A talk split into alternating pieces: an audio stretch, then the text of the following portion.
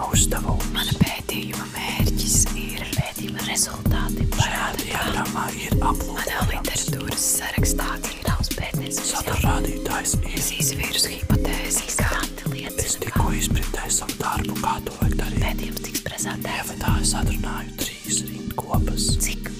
Trīs. Par ko? Ā, tad četras. Kāpēc? Bet, kad es aizstāvēju viņu, Vai man, tu esi gatavs pētīt šo jautājumu? es esmu gatavs iesniegt savu Kāds jautājumu. būs tavs pētniecības metods? Vai tu zināji, ka Respondents fokusu grupā teica, ka ir mans darba temats Prezentēsim. prezentēsim. Mana atbilde uz šo jautājumu ir. Ir tik daudz, ko atklāt un noskaidrot. Es nevaru nepētīt. Sveicināti klausītāji! Ar jums kopā esmu es Nora Vanaga, un šis ir podkāsts, jeb raidieraksts Nevaru nepētīt. Un pie manis šodien ciemos ir ieradušās divas bakalaura topošās absolventes - Nadīna Medne un Ketrisa Petkevičs. Sveikas! Čau! Sveiki!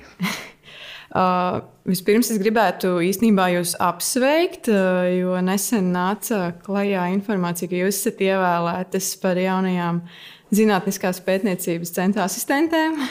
Paldies! Paldies! Kādas sajūtas? Nu, liels gods no vienas puses, bet arī liela atbildība, manuprāt. Jā, es piekrītu Nadīnas sacītājiem. Ir, ir atbildības nasta uz pleciem. Jūs jau ilgi esat darbojaties tieši šajā zinātniskās pētniecības centrā. Um, tieši Zinātniskās pētniecības centrā tā oficiāli jau nē, jo mēs netikām ievēlēti. Pirms tam mēs nestrādājām tādā ziņā, kā mm -hmm. štata darbinieki. Tas drīzāk bija tieši projekta ietveros konkrētos. Kā tādas vieszinātniskās asistentes Jā, pārsvarā jā, mēs skaitījāmies. Bet Man Jā. liekas, ka pārsvarā tas viss aizsākās pagājušajā gadā. Es domāju, ka jā, es vairs neapzinos, kurš konkrēts bija gads 20. vai 19. Mm. 2019. vai 2020.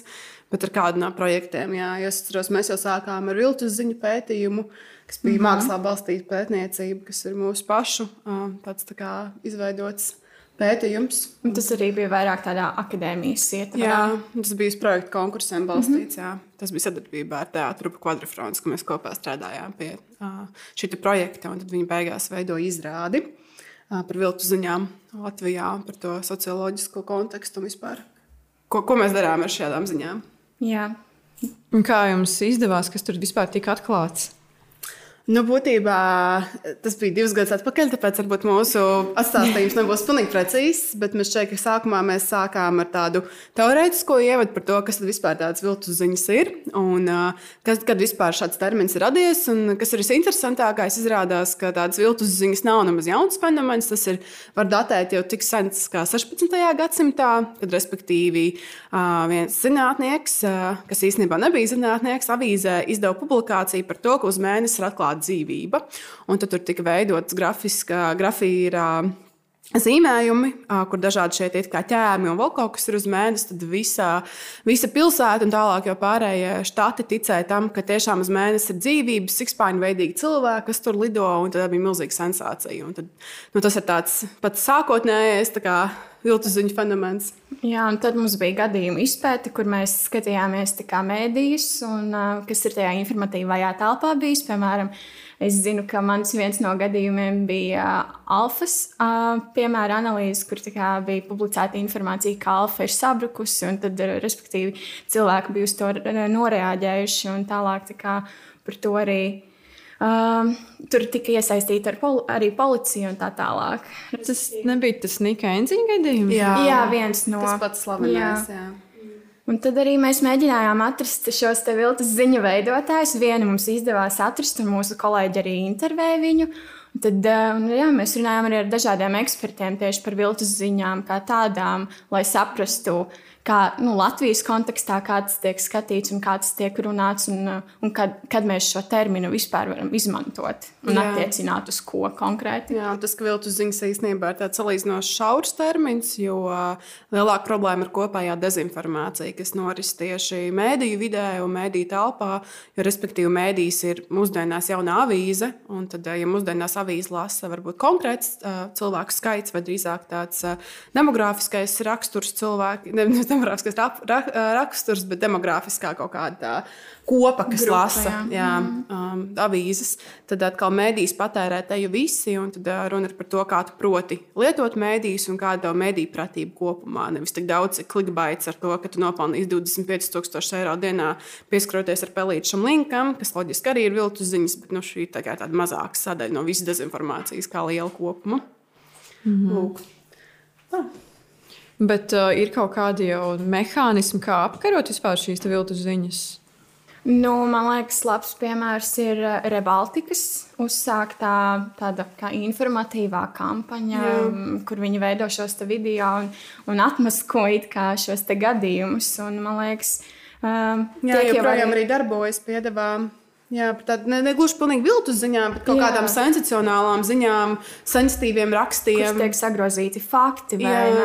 jā, kaut kas Jā. fantāzēts vairāk nekā balstīts jā. kaut kādos pierādījumos. Jā, tā. piemēram, par memory water un tad par tādām kaut kādām izpausmēm, kur notiek dažādas šīs cilvēku apmānīšanas, apmuļķošanas un viņu kaut kāda veida naudas izkrāpšana vai vienkārši dezinformācija, naidu kurināšana. Un tad tas ir tāds labs, laba platforma tieši analītiskai, pētnieciskai žurnālistikai, kas cenšas uh, parādīt to, kā īstenībā tas viss, ko mēs lasām, klausāmies, ir jā, jādala ar divi. Un uh, vienmēr jāpārbauda, ko tu lasi, un cik tas ir leģitīmi, kvalitatīvi. Un, uh, jā.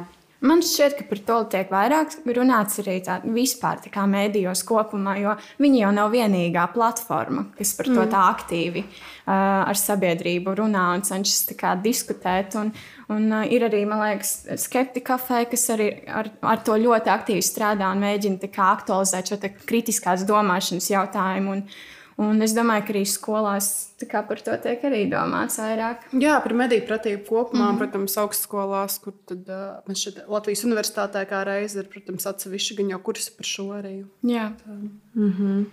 Nu jā, par to īstenībā tagad aizvien vairāk un vairāk sāk runāt dažādās informatīvajās telpās. Bet kas jums pašām liekas, kas ir tie galvenie kriteriji, kad nu, pamanīt, ka tā ir viltus ziņa? Es domāju, ka avots, ja tas, ko tu lasi, vienmēr pārbaudi, vai šī informācija pirmkārt ir mājaslapā vai saitā, kur tu zini, ka ir, tas ir pārbaudīts avots, ka ja ir, tu redzēt, kas ir redakcija šim portālam, kāda šai redakcijai, piemēram, ir slava vai kas par šie cilvēki, kas veido šo portālu, vai tas, piemēram, ir tikai um, tāds tā kā dzeltenās, dzelteno ziņu portāls, vai tas tiešām ir arī ziņu portāls, kā LSM. Un, tad, protams, arī ir jautājums, vai, ja tu lasi rakstu, vai tu redzēt, kurš ir autors šim rakstam, vai vispār ir kaut kāda autora uzskaitīta, vai tas vienkārši ir kaut kas uh, bezmazliet uzrakstīts un palaiž ziņu tālāk. Un, Un tā, tā kā tikko uztaisīja domēnu lap, mājaslapā, un tu, pat nezini, viņa ir nezinu, divas dienas svaiga, un, un tie uzdodas par ziņu veidotājiem. Un man liekas, vēl viens labs veids ir pārbaudīt to pašu ziņu kā dažādos nu, avotos, izman, nu, jā, apskatīties, vai, vai par to runā arī citur, un kā tas tur tiek atspoguļots. Jo man liekas, nu, tā patiesība jau dažreiz ir tāda pa vidu. Jā, man liekas, arī datumam ir nozīme, kad tas tiek Jā. publicēts un Jā. jāpievērš uzmanība. Jā, jo man šķiet, ka mums tieši tajā mūsu analīzē bija gadījumi, kad uh, ir kaut kāda ziņa, kas ir pilnīgi jauna, bet īstenībā tā ir trīs gadus veca ziņa, kas tiek pārpublicēta jaunā domēnā, kas ir nesen kā uztaisīts, kuram nevar atrast pārējai pie adresi bez mazvēja. nu, tu, tu vispār nesaproti, kas ir autors šim un ka, kurš to veido. Tad tiešām ir cilvēki, kas ar to dalās, un tad ir kaut kāda nenormāla sensācija, un cilvēki pārdzīvo vai uztraucās un var domāt, ka tas ir nu, lielā mērā komiski, drīzāk gan jau ir traģikomiski, jo cilvēks tiešām uz šīm ziņām ne tikai uzķerās, bet tiešām to Notic tam. notic tam, un tad ir pārdzīvojums un šoks, un tu nesaproti, kas ir noticis, kas ir tieši Nadīnas Alfas gadījuma piemērs. Kur uztraucās, mēs šeit tieši sieviete, Jā, informācija. ģimene ir gājusi bojā. tajā Jā, dienā. jo viņai tajā brīdī tā kā, viņa zināja, ka viņas tuvinieki ir devušies uz šo lielveikalu, un tad viņa teica, ka viņa bija ļoti lielā šokā, kad viņa ieraudzīja to ziņu. Jā, tas īstenībā ir traģiski patiesībā. Jā, mēs arī intervējām tieši cilvēkus, kuri ir noticējuši viltus ziņām, kā tādām. Tad tur ļoti dažādi viedokļi arī parādās. Ka, piemēram, ir cilvēki, kuri nemaz. Um, Nevis, ka viņi noticētu, ka tā ir viltus, ka viņi nevis tāpēc, ka viņi dalītos to, jo viņiem šķistu, ka tā ir viltus ziņa, vai arī ka tas ir patiesības kaut kāds stūrakmens, bet tieši tāpēc, ka tā ideja kā slānis. Viņiem šī tik pievilcīga, ka viņus pat neinteresēja nu, iedziļināšanās tajā, kas to ir veidojis vai kas šī ir pa ziņu, bet tā, tā galvenā virsideja vai vēstījums bija svarīgāks par pārējo. Tā.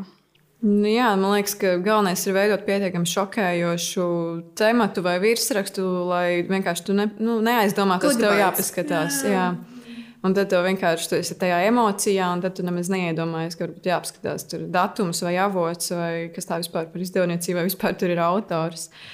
Bet, jā, runājot par tiem domēniem, man liekas, tur ir vispār kaut kāda atsevišķa politika. Jo man ir zināms stāsts, ka, pieņemsim, vēlas slēgt uh, mājaslapu ciet, vairs nevēlas viņu turpināt, bet kāds izmanto šo te, uh, nu, saites nosaukumu ar šo konkrēto grupu vai institūciju un vienkārši uz tās pa virsmu liek kaut kādu savu informāciju. Jā, man ka mūsu viens no piemēriem, kā reiz arī bija Sputnik News, kas ir nu, konkrēti dezinformāciju.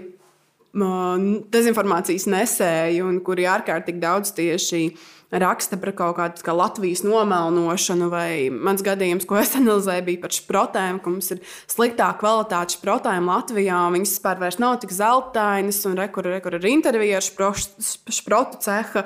Viena no tām nevis vadītājām, bet nu, tā, kas eh, darbiniecēm vienkārši. Jā.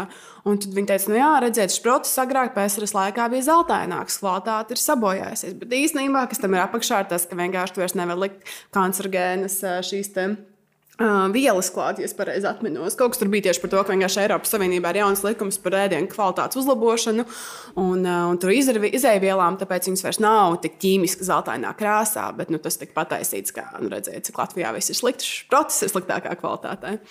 Wow, nu jā, īstenībā par šo tēmu varētu runāt daudz un dikti, uh, bet mums vēl šis tas jāizrunā uz priekšu. Um, tad šis bija viens no pētījumiem, ja, kur jūs iesaistījāties. tieši. Jā, tas Man bija. liekas, tas bija tāds pirmais lielais. nu, Jā, tāds, gan jau tā var teikt. Ar ko protams. mēs uzsākām savu pētniecības gaitu.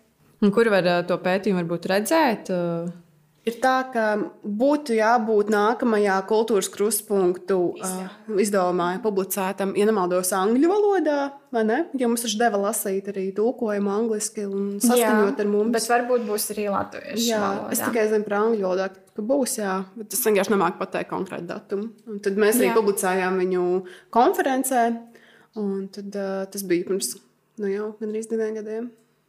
Jā. Jā, liekas, tā kā sen, bet patiesībā. bet īstenībā nemaz. tā tēma joprojām ir aktuāla. Jā, noteikti. noteikti. Mm -hmm. Un tur arī var kā vērst plašāk to pētījumu. Jā, ok. Ņemsim vērā. Uh, bet uh, mans nākamais jautājums ir īstenībā par jūsu bakalaura darbiem. es paskatījos, uh, ko jūs pētāt. Vispār ļoti tādas nu, nopietnas tēmas man šķiet. Varbūt pastāstiet paši sīkāk, ko jūs pētat. Nu, mans darbs ir um, par profesionālās mākslas un kultūras piedāvājumu daudzveidību un auditorijas attīstību tieši Rīgā. Un, um, tas mans mērķis ir, nos, kā mēs visi zinām, šis piedāvājums kultūras ir tik ļoti plašs Latvijā un arī Rīgā. Un, Un, un, un mans mērķis ir noskaidrot, kāds ir šis piedāvājums tieši Rīgā, jo līdz šim tie pētījumi, kultūras patēriņa un līdzdalības ir bijuši tieši tādā Latvijas kontekstā veikti. Un, uh, jā, un es gribu saprast, vai tiešām tas uh, piedāvājums ir ne tikai plašs, bet daudzveidīgs, jo, kā mēs zinām, pilsētās, tu, mm, īpaši galvaspilsētās, ir ļoti daudz labvēlīgu šo apstākļu kultūras patēriņam, jo ir lielāks iedzīvotāju blīvums, eh, ir lielāks šis profesionālās mākslas un kultūras operatoru skaits, nu, institūcijas, kas, kas, piedāvā, kas veido šo piedāvājumu. Un tad es gribu saprast, vai, vai teiksim, tas piedāvājums ir piemērots šīm dažādajām auditorijām un, un, un viņu interesēm, vai tas ir tikai daudz skaitlīgi liels tā, tādā, tādā griezumā tā kā bakalaura darbs. Mm. Mm. Un ko ir izdevies uh, izpētīt līdz šim? Tā kā darbs ir procesā, es, es kā, uh, par, uh, par tiem izpētītajiem um, secinājumiem gribētu runāt tikai pēc darba. Jo man liekas, ka tajā izpētes procesā daudz kas mainās, un mums tikko bija priekšaizstāvēšana, un tas arī um, diskusijas rosīja uh, kaut kādas lietas, kur. Um, Pārdomāt, jā, ko tev gribētu, nu, tev pašam liek pārdomāt, teiksim, arī par darbā izmantotajām metodēm. Um, Nu, jā, ir kaut kādas lietas, kas prasa precizējumus, un tas viss laika gaitā var bišķi mainīties. un Līdz ar to es, Labi. es priecātos par to runāt, tad, kad es būšu paveikusi un aizstāvējusi darbu. Jo man liekas, tad arī tā, nu, tā bilde būs skaidrāka. Zinošāks mēs būsim maijā, ja vēl precīzāk 31. kad būs obligāti jānodod bakalaura darbs. Jā. Jā, un tava tēma.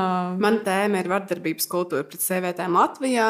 Man ir man šeit mazliet citādākā rakursā. Man ir drīzāk tāda ļoti socioloģiska tēma, atšķirībā no Nadīnas, kas nav ne sliktāk, ne labāk. Tas vienkārši citādāks.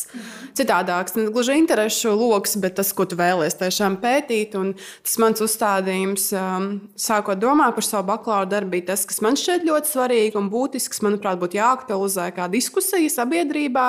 Un, ņemot vērā to, ka tieši Latvijā ir ārkārtīgi augsta vardarbības rādītāji pret sievietēm un arī ar augstu vardarbības rādītāju ģimenē, es vēlējos saprast, kā es vispār šo fenomenu ar mūsu augsto vardarbības rādītāju varu skatīt no tādas socioloģiskas prizmas. Respektīvi, mums ir jā, kvantitatīvi dati, mums ir statistika, mēs zinām, ka ir slikta situācija un nav nekas apsveicams. Bet kāpēc tā ir, tas, piemēram, nav īsti skaidrs. Var, protams, minēt, ir kaut kādas arī, protams, attiecīgas teorijas pirms tam veidotas un skaidrojumi, bet tāds, nu, konkrēts uh, savu veidu, uh, savu veidu šķautne par šo nav. Uh, tādā tā kā uh, akadēmiskā, ne, nu ir, bet uh, tieši bakalaura darbā, cik es neesmu sastapusies ar šo, es domāju, ko es savā bakalaura darbā varētu tādu paveikt nozīmīgu.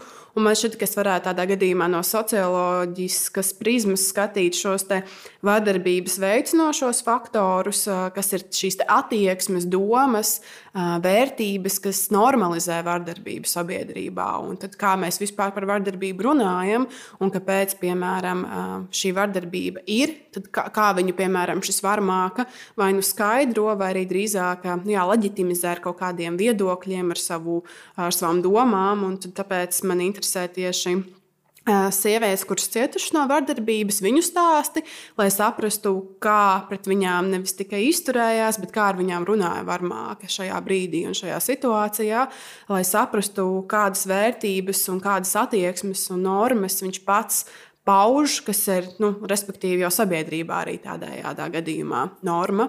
Protams, ka šī nav ārkārtīgi plaša reprezentatīva izlase, jo tas vienkārši nav iespējams bakalaura darbā uztaisīt ar vairāk kā simts cilvēkiem izlasi, bet nu, tas mans mērķis ir vismaz dot tādu tā diskusijas augstni par to runāt, kā mēs varam skatīties šo problēmu vēl no cita aspekta un to tomēr uh, popularizēt akadēmiskā vidē arī Latvijā vairāk.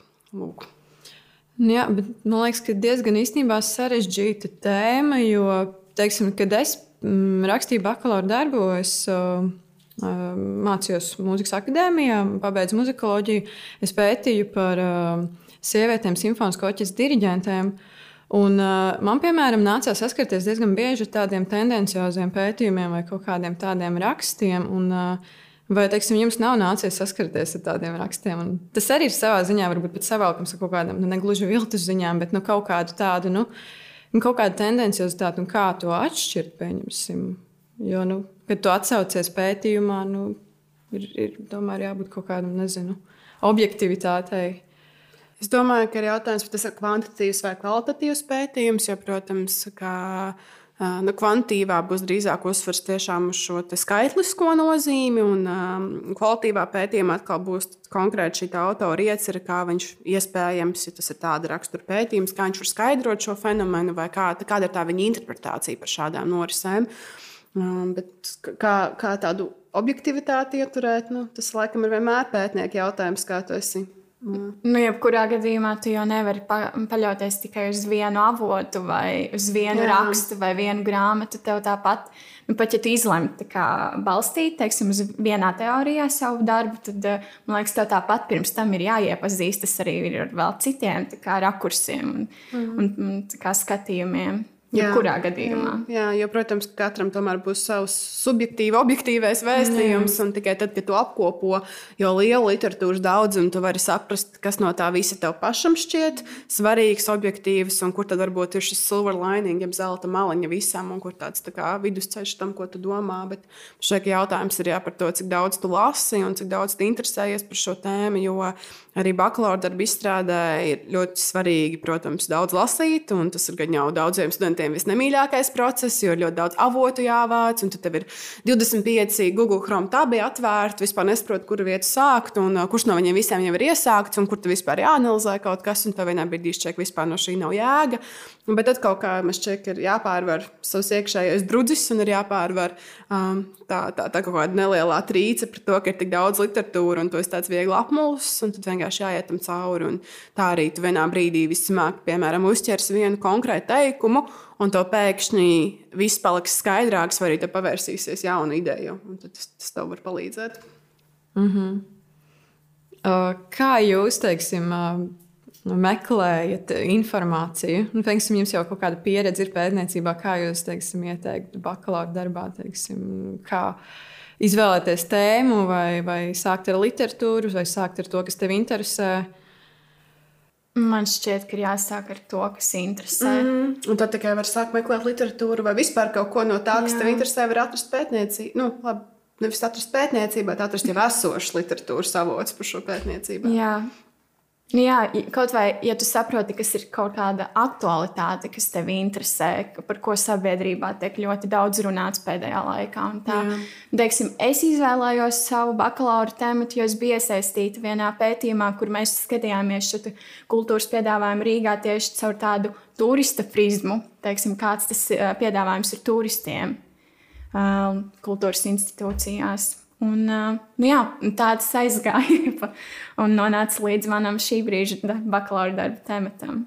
Jā, man arī man bija. Tā bija jau kursa darbs. Man jau bija kursa darbs, pirmais pats par seksismu Latvijas politikā. Man bija konkrēti saimnes priekšvēlēšana kampaņu analīze, kuras tad analizēja to, cik kādas šīs seksistiskās remarkas vai um, vai kaut kādas tad, kā arī viedokļi, vai tā, tā viedokļi jā, kas tiek pausti par sievietēm nereti. Tur bija dažādi piemēri, kurus, diemžēl, no galvas vairs neatceros, jo ir pagājuši jau jā, trīs gadi. Bet, tā, tas bija tāds pirmais mans ceļš par tādu.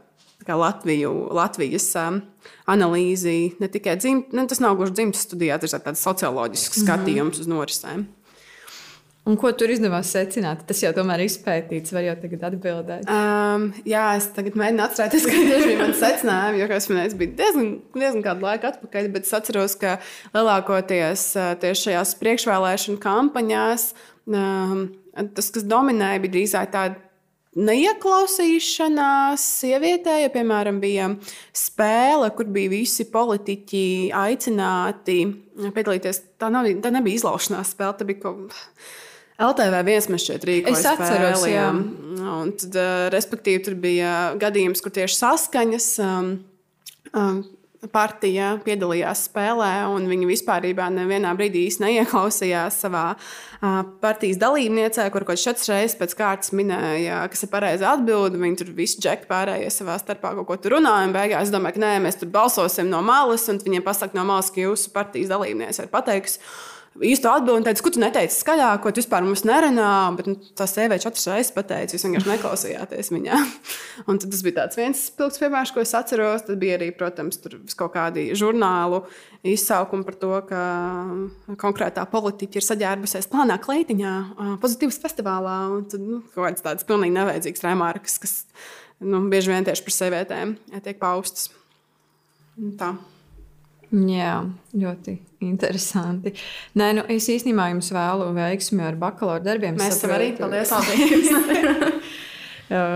es uh, ceru arī pati palasīt jūsu tos darbus, ko jūs izpētīsiet. Jūs tagad atstājāt tādu diezgan uh, aizraujošu iespēju, kas tur varētu sanākt. Bet uh, mans nākamais eksistenciālais jautājums ir par to, kā jūs vispār. Uh, nu, sapratāt, ka vēlaties nodarboties ar pētniecību? Šeit mēs joprojām neesam visu sapratuši.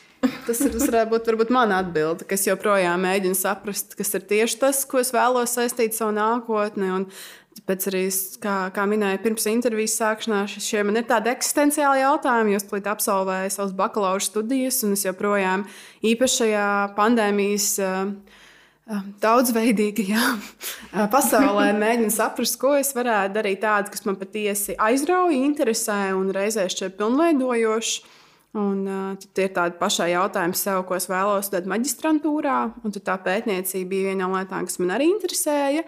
Bet uh, es, es, es drīzāk teiktu, ka es par šo varu runāt tiešām, kad būšu absolvējis bakalaura studijas, kad sapratīšu, kā, kā patiesi vēlos saistīt savu dzīvi. Jo tas ir tāds nereti satraucošs jautājums ikvienam studentam, kad nāk jau tu pavasaris, nu, ko tu darīsi, un vai tu tiešām šo visu mūžu nodarbosies. Man šķiet, ka mūsu jaunatne kā reiz ir. Um, Pierād, nevis pierādījums, bet atspoguļojums tam, ka mēs nestrādājam laikam vienā vietā visu mūžu, kā piemēram mūsu vecāki nerad darīja, ka 20 gadi vienā darba vietā paiet, ka tev ir tik daudz interešu, un tu nezini, ko tu īsti gribi darīt, un tu gribi pamēģināt vienu un otru, un pārvākties citu valstu, un aizbraukt Erasmusā uz trīs gadiem, vai arī nezinu, aizbraukt brīvprātīgajā darbā uz Austrāliju ar kolas lāčiem, vēl kaut ko tam līdzīgu. Tad tu, tu domā, mēģini saprast, kur prioritizēt no visām savām vēlmēm, kas patiešām ir tas, kas ir tāda mirkļa vājība, ja mirkļa vēlme, kas ir tāds tiešām fundamentāli svarīgs tev. Varbūt Nadīnē mazliet atšķirās no manas pieredzes, jo, kā redzēju, man ir vairāk eksistenciāli pārdomu šajā brīdī. Nu, jebkurā gadījumā, kad es nācu uz akadēmiju, mans mērķis noteikti sākumā nebija sevi redzēt pētniecībā. Uh, man liekas, ka lielākā daļa mūsu kursa biedri arī es uh, nācu galvenokārt uz menedžmentu, jo mums ir tā foršā lieta programmai, ka mums ir tāda starpdisciplināra. Mums mm. ir menedžments un socioloģija. Un vēl kultūra. Un vēl kultūra, jā. Tā kā, un, bet studiju procesā tu vienkārši saproti, ka jo vairāk tu interesējies, jo vairāk tu iesaistīts, tas ir aizraujoši. Tas kļūst par aizraujošu piedzīvojumu. Un man šķiet, ka tas Visinteresantākais ir tajā, ka tu vari papildināt savus redzeslauku zināšanas, jebkurā jomā, jebkurā kā, virzienā. Ka tam nav jābūt tikai kultūras piedāvājumam, par ko es rakstu, piemēram, savu bakalaura darbu. Es varu arī skatīties tajā pašā laikā uz nevienlīdzību, kā, vai nu, jebkuru citu fenomenu. Un man liekas, tas ir pats labākais. Jā, man šeit tieši gribēju paslavēt mūsu studiju apakšprogrammu, ka man tas bija tāds perfektais mīkslis no visa, jo es pirms tam studēju Lielbritānijā ļoti konkrētu nozari, kas bija tieši teātris, jeb teātra režija un uh, scenārija izveide, kas man ļoti neapmierināja kā studiju process, bet šeit es ieguvu savu no, no visa pa, nevis pa drusciņai, bet no visa pietiekami padziļināta drīzāk. Respektīvi, bija menedžments, kā slīpsvītra producēšana, bija kultūra, plus plašākā izpausmē ar filozofiju, mākslas vēsturi, literatūras vēsturi un tam līdzīgi. Un tad bija, protams, arī socioloģijas puse, jo man tieši sākotnēji ļoti vienmēr interesēja šī te, zinātne par sabiedrību un par visiem fenomeniem, kas ir saistīti ar mums katru kā individu un reizē kā tādu kopienu, kas nevienmēr ir homogēna bet uh, tomēr var, mēs varam redzēt konkrētas iezīmes. Uh, mūsos un uh, tajā, kā mēs rīkojamies un eksistējam šajā pasaulē. Un pats labākais, ka viens otru papildina noteikti. Jā. Neatkarīgi no tā, ko tu izvēlēsies pēc tam darīt, būt producents vai sociologs. Vai arī abi divi. Vai arī abi divi. No lietas, tas, jā, tas jebkurā gadījumā visas tās zināšanas vienu otru papildina. Jā, jā tīpaši tur raksta, piemēram, bakalaura darbu, bet rakstīja kaut kādu kursu darbu par vienu, piemēram, manā gadījumā socioloģisku tēmu, bet reizē arī iesaisties projektu vadībā, vai producēšanā, vai kūrēšanā. Tad tu vari savienot šīs abas savas intereses paralēli, ja, protams, laiks un resursi un vaļa to dod. Bet nedomāju, ka tas ir pilnīgi neiespējami.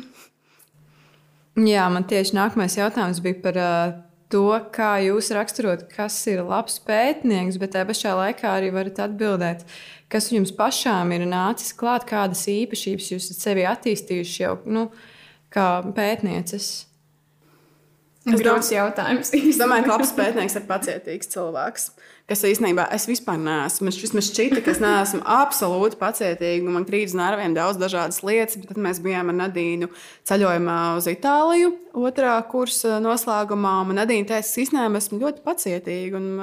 Viņai šķiet, ka es īstenībā nenovērtēju līdz galam, cik pacietīgs esmu.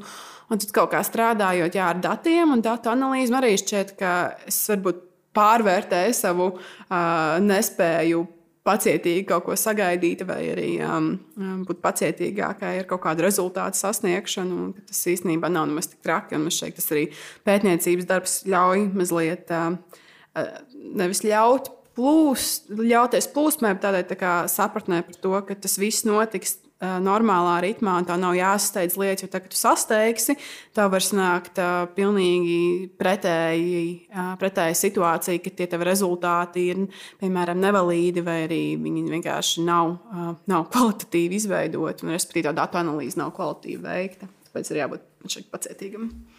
Jā, man šķiet, ka labam pētniekam ir jābūt empātiskam. Arī jā, noteikti. Viņ, jo tas ir svarīgi spēt iz, nu, nevis iztēloties, bet spēt saprast, kā domā otrs cilvēks. Lai gan varbūt jums ir radikāli pretēji uzskati ja, par daudz, kaut kādu konkrētu lietu, bet tev ir jābūt empātiskam. Un, uh, un ja, es, ja man jāsaka, ka, ko es esmu iegūmis, tad noteikti uh, kaut kādu struktūrēšanu. Uh, es nezinu, gan lietu, gan procesa struktūra. Tas kā, pirms tam varbūt man nebija, man nebija mana stiprā puse. Es domāju, ka tas man ar pētniecību ir ļāvis to attīstīt un pilnveidot. Jā, es piekrītu par to empātiju. Tas ir noteikti ļoti svarīgs faktors. Ir īpaši, ja tu intervē cilvēkus vai tu veic fokus grupu diskusijas, vai tas ir jā, tāds pilnīgi antropoloģisks pētījums, kur tu, tu nevari īsti iet ar savu pārliecību iekšā un ar savu viedokli kādam Nu, censties ko skaidrot, ko viņi nesaprot.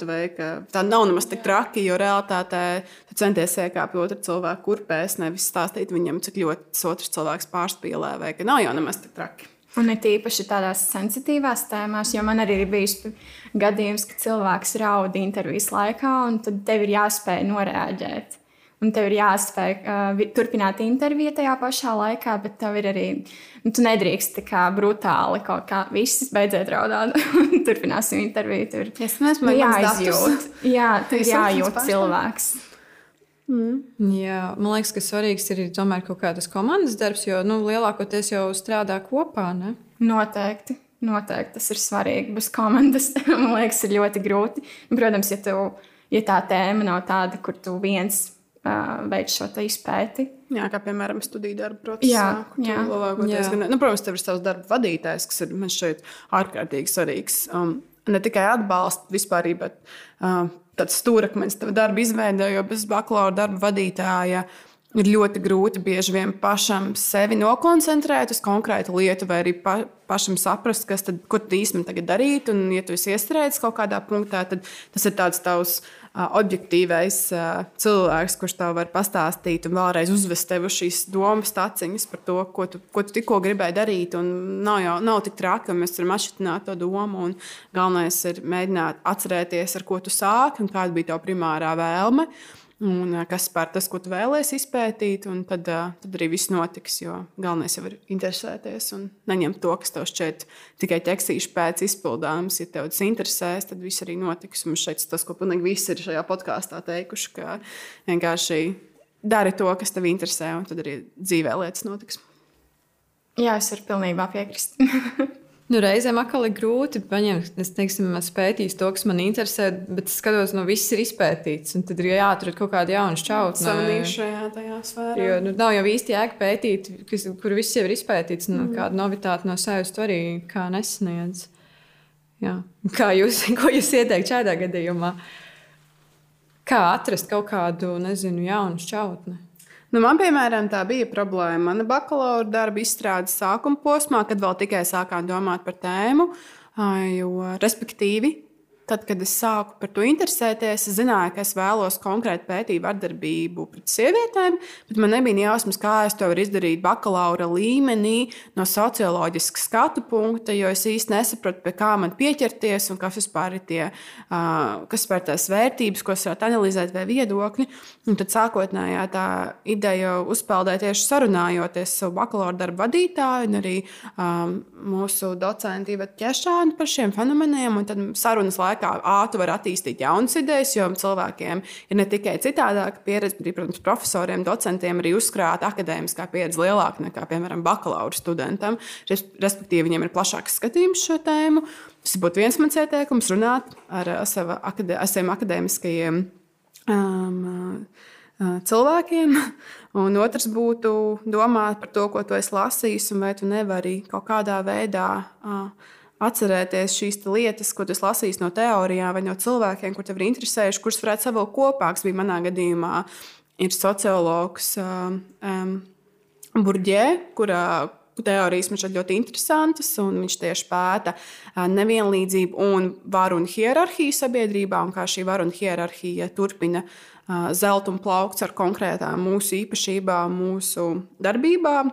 Un tieši viena no viņa teorijām par simbolisko vardarbību ir tas, kā es sapratu, kā es varētu pētīt vardarbību pret sievietēm. Tieši caur viedokļu paušanu un caur to, ka konkrēts viedoklis nostabilizējas kā norma sabiedrībā, kā autoritīvs viedoklis, un pārējie šim viedoklim pakļaujas apzināti vai neapzināti. Un tad caur šo fokusu tu, tu vari arī pētīt to vardarbības kultūru. Lūk, kā tā šķiet, Nadīna? Nu, man šķiet, ka Latvijas kontekstā ļoti daudzas lietas nav pētītas. Un tas ir viens no veidiem, varbūt, kā skatīties uz to tēmu, kas tev interesē. Tieši caur šo Latvijas prizmu, varbūt. Bet, ja nē, tad droši vien meklēt, kā to savilkt ar sabiedrībā, no kā, aktuāliem notikumiem, procesiem. Man liekas, ka tā aktualitātes lieta ir ļoti būtiska, lai tu, nu, lai tu vēlāk izvirzītu šo problēmu un mērķi, un, respektīvi, tālākā darba izstrādes procesā tas ir ļoti būtiski. Jā, mans noslēdzošais jautājums patiesībā tieši bija par to, nu, jūs jau tomēr nedaudz esat tajā pētniecībā jau. Uh, kādu, nu, kādu mazu brītiņu. Kas jums liekas, kas ir tās tēmas, kuras vajadzētu pētīt, kas ir īstenībā ļoti aktuālas, bet varbūt vienkārši cilvēki nav aizdomājušies? Oh, tur ir tik daudz. Man šeit jautājums ir no tā, sakot to, ko tu vispār vēlēsies pētīt. Jo pilnīgi jebkurā laukā var pētīt. Loģiski, mēs nepārzinām, piemēram, aktualitātes tieši tā, kas ir tavā lauciņā, mūzikā, kuras būtu nepieciešams pētīt. Tā vienkārši nav mūsu specifika izglītība. Piemēram, es pat neesmu mūzikas skolā gājis. Man šķiet, ka es, es vispār nekādu komentāru par to nevarētu sniegt. Bet no tāda socioloģiska skatu punkta vienmēr ir jautājums par valsts attiecībām ar pilsoni par skatīt, kā, kā, kā tieši strādā politika valstī un kā šī politika ierobežo pretēji papildina, nevis papildina, bet neierobežo um, pilsoņus. Un var skatīties nevienlīdzību vienmēr kā tēmu, kas vienmēr ir aktuāla. Um. Nu, ir jau ļoti daudz šo tēmu, kā, kas vēl nav pētītas. Un, un jebkurš kultūras fenomens, process, kā kaut kādā brīdī var kļūt par pētniecības objektu. Jā, kaut vai tagad Covid-19 ietekmē uz nezinu, mākslas no. attīstību mājasaidas laikā. Droši vien tuvākajā nākotnē būs ļoti daudz COVID pē, nu, pētījumu Jā. Covid kontekstā tieši. Jā. Man liekas, arī bakalaura darbos jau sāk parādīties Jā. kaut kādas Covid vēsmas. Protams, tas arī būs ļoti vajadzīgs. Jā, un es tieši gribēju teikt, ka Piemēram, sociālai tīkli kā fenomens ir eh, ļoti plaši pētīts pašlaik. Protams, jo tas ir, kā jau es pašā podkāstu sākumā minēju, vairs nav avīzes aktuāls, tagad ir mēdīji, sociālai tīkli, portāli, kur mēs uzņemam informāciju. Un, piemēram, mēs tieši vienu no kursu ietveriem lasījām par to, kā Instagrams ietekmē tavu apziņu pašam par sevi un arī to, kā tu performē sabiedrībā caur Instagram kultūru. Jo nu, nav jau melots, ka mēdīji, drīzāk sociālajā portālā, ārkārtīgi ietekmē mūsu psihi un to, kā mēs paši sevi uztveram.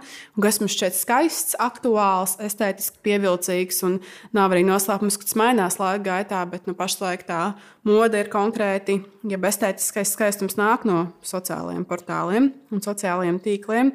Un tad jā, par Covid-19 noteikti arī būs pētījumi par to, kā, kā šī aktīvā interneta patērēšana, kas Covid-19 laikā ir vēl aktīvāka, protams, ir ietekmējusi cilvēku psihi. Ir ļoti interesants pētījums, ko es tieši nesen lasīju par to, kā mājasēde un kā šī jau gadu esošā pandēmija ietekmē cilvēku psihi no tā skatu punkta, ka mēs paliekam ar vien apātiskāki, neinteresētāki cilvēkiem, ar vien biežāk tiek diagnosticēts depresijas lēkmes vai depresija kā slimība. Un, nu jā, Tad varat kā runāt par to, ka viss ir apnicis un rutīna, bet realitātē tas atstāja uz tavu prātu kaut kādu zīmogu. Ir cilvēki, kur vairs neatcerās detaļas, vai kur neatcerās tādu lietu kā došanos uz bāriem, vai ka viņu bērni vairs neatcerās, kā tas bija aiziet uz, piemēram, kino, jo viņiem tas jau gadu no vietas nav noticis, un respektīvi tās smadzenes pielāgojas jaunajiem apstākļiem. Un tad loģiski, šie jaunie apstākļi, salīdzinot ar vecajiem, šķiet daudz drūmāki. Jā, īstenībā tā ir. Nu, Tas, tas būs paliekošs uh, iespējas uz sabiedrību. Jā, bet no otras puses, mūsu smadzenes un mēs paši esam tik adaptīvi, ka arī ar laiku šis kļūs par tādu uh, fosīliju savu veidu, un arī mēs pielāgosimies pie vēl jauniem apstākļiem, jo, protams, ka evolūcija nekur īsti nepazūd. Tie uzvedības modeļi mainīsies noteikti kaut kādās lietās. Jā. Mm. Jā, un kā jūs esat pielāgojušies šai jaunajai mm, dzīves stilam, ja tā var teikt? Nu, no vienas puses, it kā jau nevar sūdzēties. tu vari strādāt attālināti, un, un mums arī šis aktīvais studiju process tādā ziņā, ka tev nav jāsēž visu dienu pie ekrāna un jāmēģina sekot līdz lekcijām. Uh, Oh, tas, tas, ir, ir tas ir labi. Tas ir, man liekas, man ir liels prieks par to, ka mums tas ir beidzies. Jā, šobrīd jo... lekcijas online bija pilnīgi katastrofa. Nevis tāpēc, ka kāds viņus slikti vadītu, bet tas princips, ka nu, tev vispār nav sajūta, ka tu esi studiju norisē, jo realitātē tā tava māja, tā telpa, kurā tu eksistē, burtiski eksistē, ir tā pati vieta, kur tu ēd kur tu ej gulēt, kur tu strādā, kur tu studē, kur tu izklaidējies, kur tu kaut kā sevi pilnveido. Un tev nav vairs sajūta par to, ka tev būtu nodalītas telpas, un tev arī neveidojas beigās vispār kaut kāda sasaiste ar to studiju procesu, jo tu vienkārši esi savā, nezinu, halātā atkal pie galda deviņos no rīta klausoties lekciju, kur nu, tu esi tieši tajā pašā scenārijā katru rītu. Un tāpēc man šķiet ļoti, ļoti būtiski studentiem un arī pasniedzējiem vispār ikvienam, kurš strādā no mājām, kas ir praktiski viens no jau, ka tu maini to vidi, cik nu tev ir iespējams pēc saviem resursiem un, protams, lokācijas. Jo man kādreiz ļoti palīdzēja tas, ka es varu braukt, piemēram, pie sava drauga ciemos vai pie savām Uh, nu jā, pie savu draugu, jo nu, kāds cits nevar braukt. Es atceros, vēl kaut kad septembrī mēs varējām tikties klātienē, un tad arī sākās jau palānām attālinātais režīms. Tik pa laikam mēs, piemēram, izgājām iedzert kafiju ar meitenēm. Tad es arī mainīju šo tavu um, kaut kādu um, nezinu, uztveri par to, kur tu atrodies. Un ka nav viss vienveidīgs un nav rutīna, bet tagad tas ir jā, vismaz jauki, kas var doties pie savu draugu ciemos vai arī var braukt uz laukiem, kur tev ir māja un tu vari sēdēt laukos vai mežā vai pie dīķa vai pie upes un vienkārši mazliet atslābt par, par visu. Mm. Jā, nu, tas studiju process no tā arī zaudē. Varbūt, ka tu vairs nespēji tā koncentrēties un veltīt to uzmanību uh, tajā lekcijai, tam pasniedzējiem, tam tematam. Un, un es atceros to brīdi, kad mums pirms gada bija jāizstrādā paralēli studiju procesam, vēl savi kursi darbi. Un tad vispār bija tāda sajūta, ka tu tā kā celies ar datoru un ej gulēt ar datoru. Jo, nu, Man nepār... joprojām ir tāda sajūta īstenībā. Nu, jā, tas darba apjoms varbūt ir, jā, nav mainījies, pat tikai citādāka forma tam darbam. Bet, nu, jā, es nezinu, es esmu novērojis, piemēram, ka, es, ka man ir ļoti grūti komunicēt ar cilvēkiem. Tieši saistē, jo tas dzīvais konteksts, kontakts ir, nu, ir ļoti vajadzīgs. Kaut vai lai saprastu, vai tu nepārunā kādam pāri tajā brīdī, un, un, un, un, un tie interneta saslēgumi arī nevienmēr ir tik stabili. Tas ļoti apgrūtina to sarunu. Es tieši gribēju teikt, ka man šeit, ka mana lielākā sāpe par studiju procesu attālinā bija tas, ka mums bija noslēdzošais gads, mums visi eksāmeni bija online.